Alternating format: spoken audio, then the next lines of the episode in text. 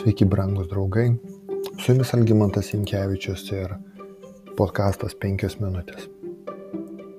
Prieš užimant Jericho miestą, Jozo gavo aiškius Dievo nurodymus, ką reikia daryti. Kiekvieną dieną per ištisas šešias dienas Jerichą peidavo, kabutėse, speciali procesija. Kunigai nešė sandoros skrynę, o dar septyni kunigai ėjo prieš juos ir pūtė septynis avino rago trimitus. Visi ginkluoti žmonės tylėdami ėjo a, aplink miestą, sekdami kunigų nešamą viešpatės skrynę. Jozos šeštas skyrius. Apeiti Jericho miestą nesudarė didelių problemų.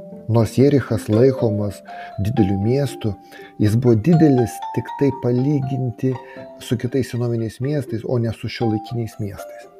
Archeologai teigia, kad miesto plotas buvo šiek tiek mažesnis nei 4 hektarai, taigi visų miestų sienų perimetras buvo apie 1 km. Tai nėra daug, nes kai kurie šiuolaikiniai priekybos centrai yra didesni nei šis miestas. Taigi jie atliko apėjimą kartą per dieną.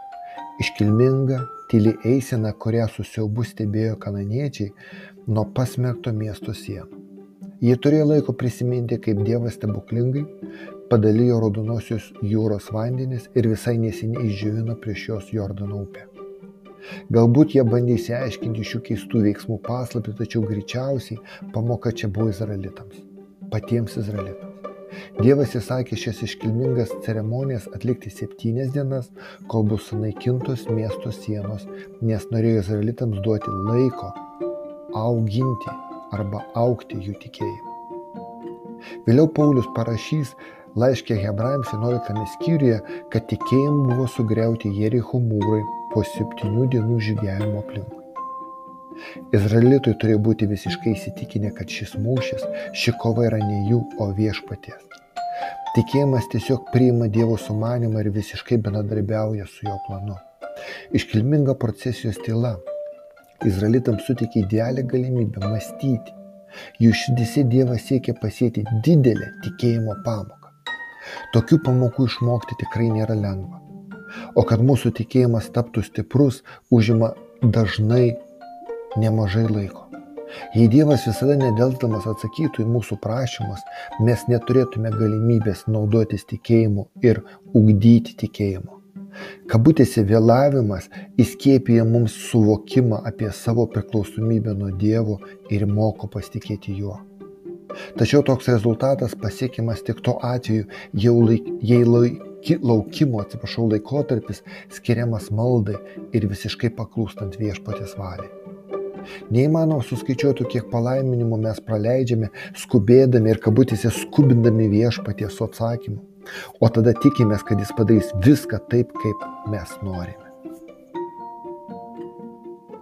Brangus draugai, iš tikrųjų apsupto miesto apgulimui niekas netrodė taip netinkama, taip nemokšiška, kaip tai, ką darė izraelitai. Tylomis ėjo aplink miestą. Tačiau Dievas turėjo savo tikslą izraelitams. Jis Jie sužinojo, atsiprašau, kad tik viešpaties visagalybė nugalėjo ir atidavė šį sienomis apjostą miestą Izraelitų rankas.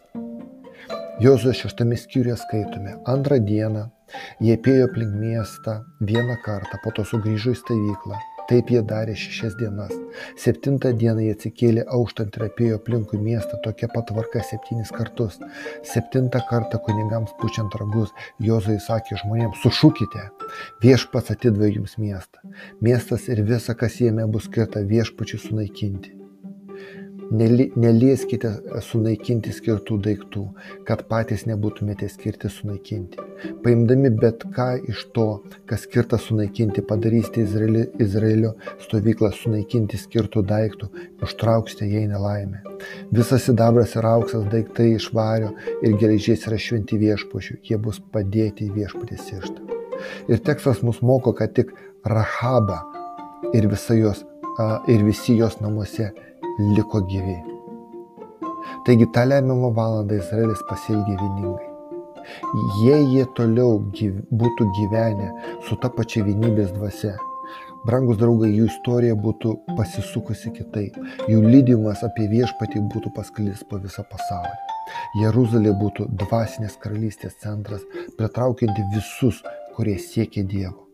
Ir tik vėlesnis Izraelito netikėjimas neleido Dievui įvykdyti viso to, ką jis suplanavo savo žmonėmis. Savo žmonėms. O kaip yra su mumis? Ar mes vieningi? Ar mus vienyje ta pati vienybės dvasia? Su jumis buvo penkios minutės ir Algymantas Jankievičius.